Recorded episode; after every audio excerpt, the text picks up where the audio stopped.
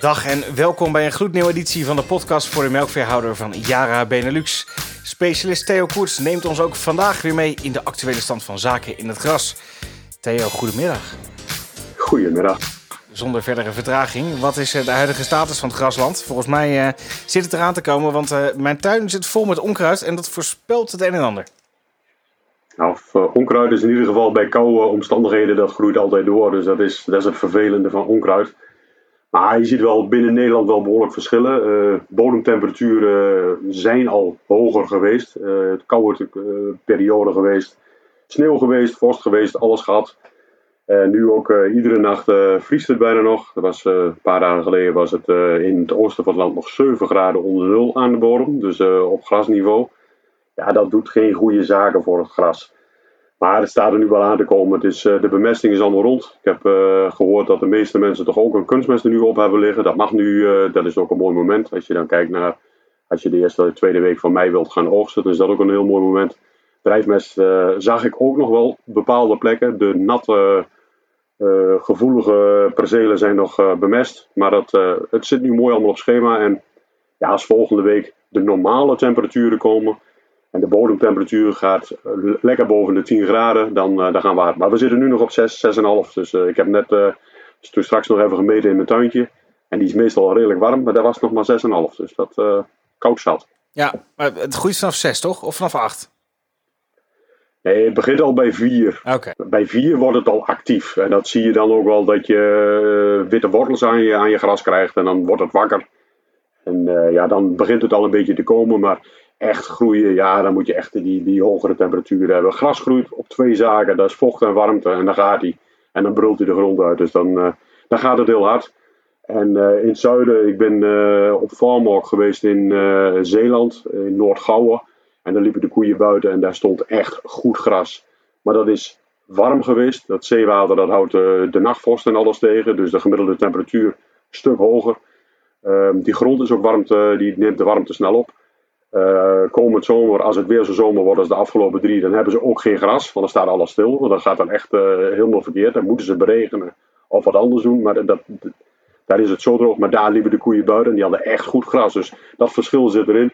En kom je in het noorden, ja, daar, uh, daar moet het nog beginnen. Dus zulke grote verschillen zitten erin. Ja. ja, wat zijn dan de werkzaamheden die je op dit moment kan aanraden? Of is er ook geen generiek ja, beleid of advies voor te geven?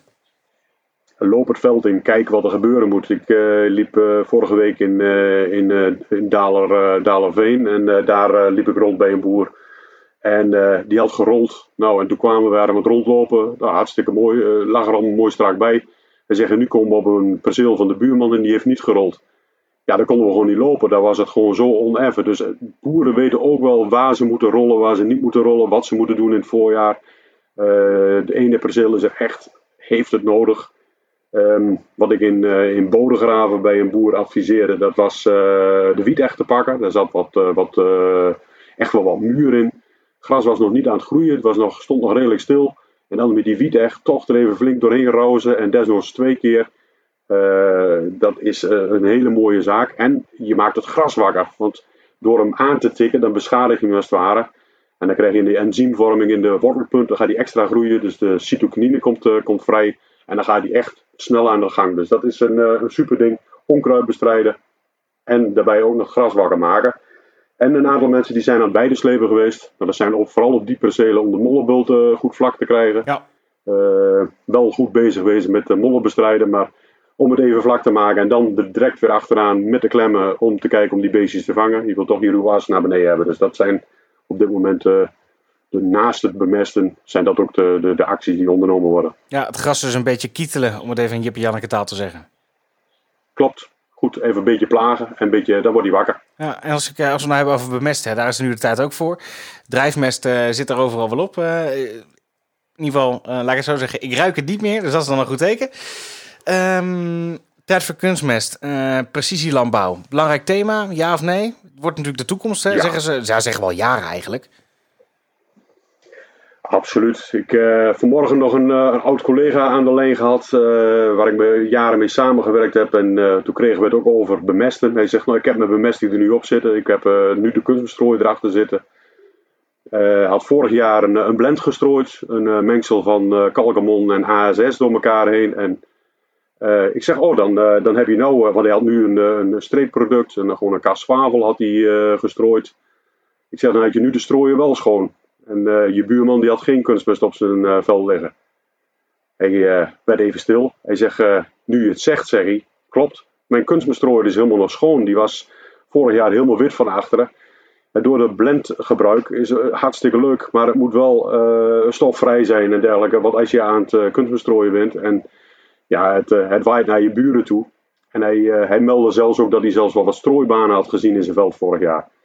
Dus hij was nu ook wel overtuigd. Hij, hij moet nu nog zien of er strooibanen komen, dat kan hij nu nog niet zien. Maar hij zegt, er kwamen nu mooie korrels uit de, uit de strooier en het leek erop in ieder geval geen stof. Dus dat was in ieder geval dik positief. Ja, want waar ontstaat die stof dan probleem door? Wat zegt u? Daar ben ik benieuwd naar. Die stof, waar ontstaat die dan door? Zijn dat gewoon, komt dat omdat die korrels gewoon niet uh, ja, matchen met elkaar? Is dat het dan? Dat ze gaan slijten? Uh... Nou, nou, ASS is niet een, een, een superkorrelproduct.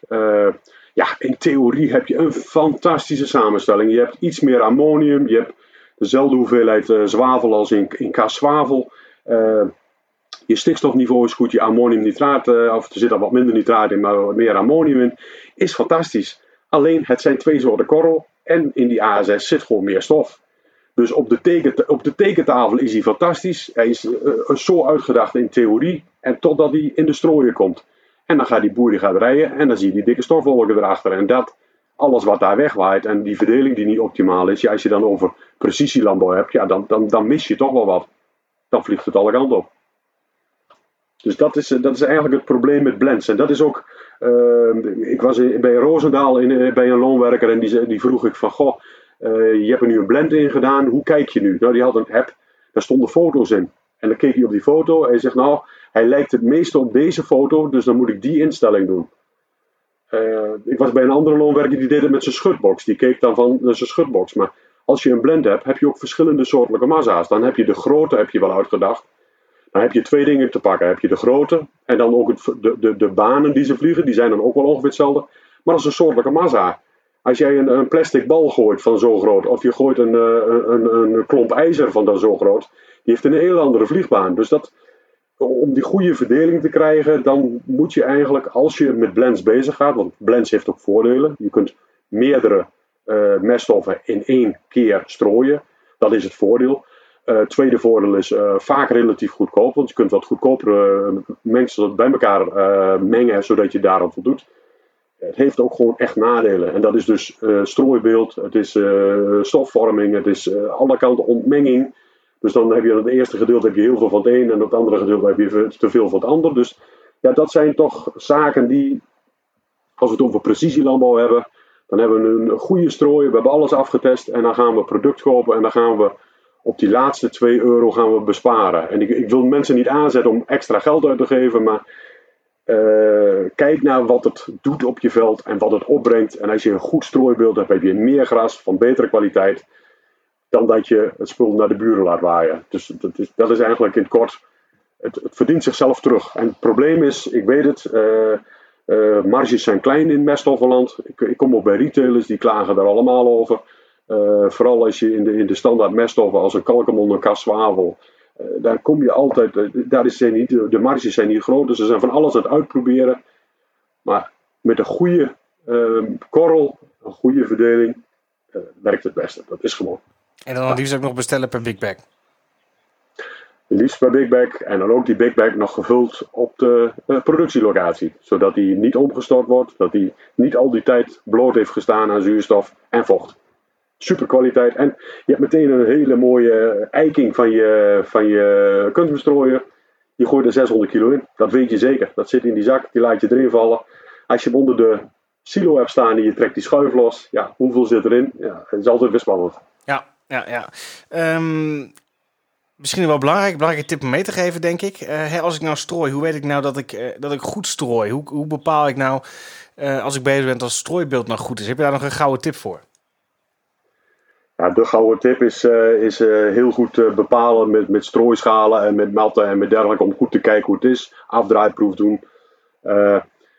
Maar meestal, uh, het kost heel veel tijd, dat weet ik. Dat, dat is ook best wel intensief, maar het levert ook echt wel wat op. Als je je strooien goed afgesteld hebt en je hebt ook goed gecontroleerd op slijtage, dat de schoepen allemaal goed zijn en dat alles uh, netjes draait, levert zeker zijn geld op. Maar het kost echt veel tijd. En dat is dus wel uh, het ding om te doen. Kijk, als je aan het einde van het perceel je wilt 300 kilo zaaien en je bent 300 kilo kwijt op een hectare, ja, dan kun je zeggen van het is gelukt.